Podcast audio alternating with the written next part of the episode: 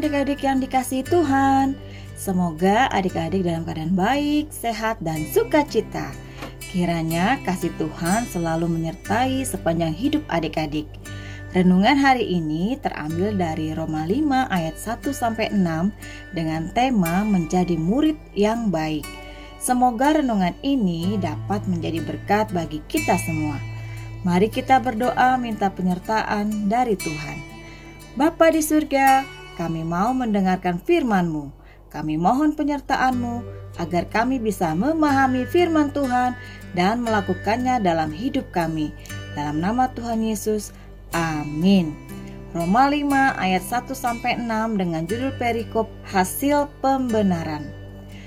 Sebab itu, kita yang dibenarkan karena iman, kita hidup dalam damai sejahtera dengan Allah oleh karena Tuhan kita, Yesus Kristus. Oleh Dia, kita juga beroleh jalan masuk oleh iman kepada kasih karunia ini. Di dalam kasih karunia ini, kita berdiri dan kita bermegah dalam pengharapan akan menerima kemuliaan Allah.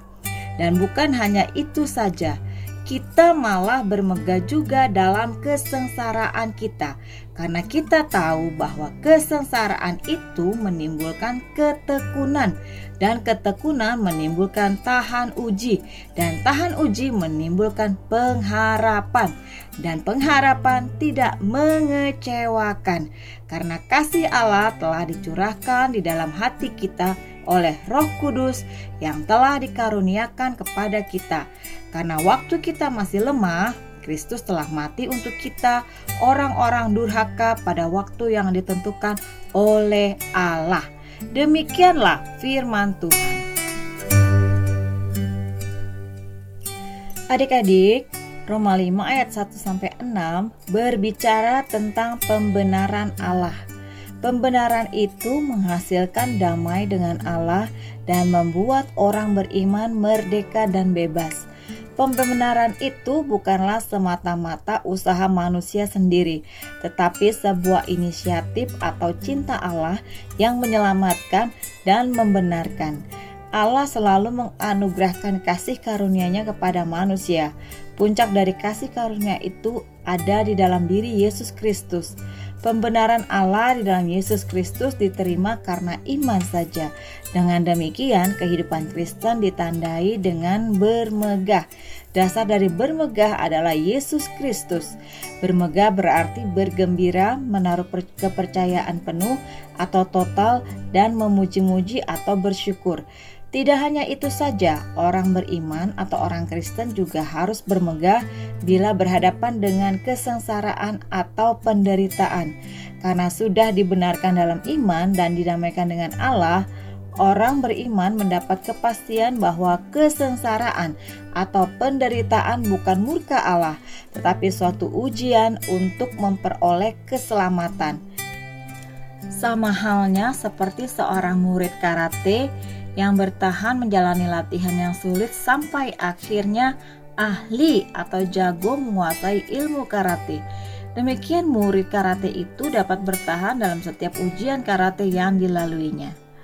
Adik-adik, di dalam buku renungan yang adik-adik baca diceritakan bagaimana seorang anak yang bernama Bintang sedang menonton film bersama papanya. Film kali ini adalah film Karate Kid yang menceritakan bagaimana seorang pemuda belajar karate.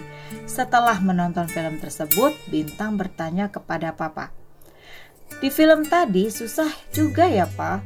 Jadi murid karate harus menjalankan semua yang diperintahkan oleh gurunya." "Betul, Bintang," kata papa.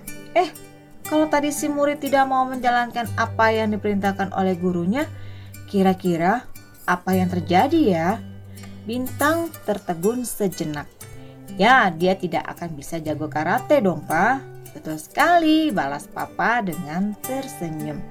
Sama dengan murid karate tadi, kita menjadi murid Tuhan Yesus juga tidak mudah loh. Kira-kira apa saja ya adik-adik yang harus kita lakukan sebagai murid Tuhan Yesus? Ya, kita harus selalu mendengar dan menjalankan segala perintahnya dengan sungguh-sungguh.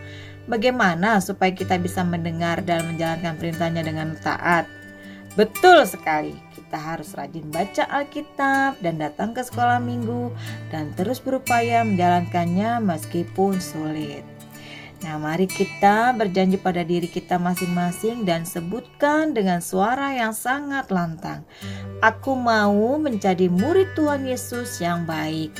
Sekali lagi, aku mau menjadi murid Tuhan Yesus yang baik. Mari kita berdoa. Bapa di surga, ajar kami untuk dapat menjadi murid Tuhan yang baik. Mampukan kami untuk selalu mau membaca Alkitab dan mengikuti perintah Tuhan dengan taat. Dalam nama Tuhan Yesus, amin. Demikian renungan hari ini. Semoga adik-adik bisa bertahan menjadi murid Tuhan yang baik dan selalu rajin baca Alkitab, berdoa, dan selalu turut pada firman Tuhan.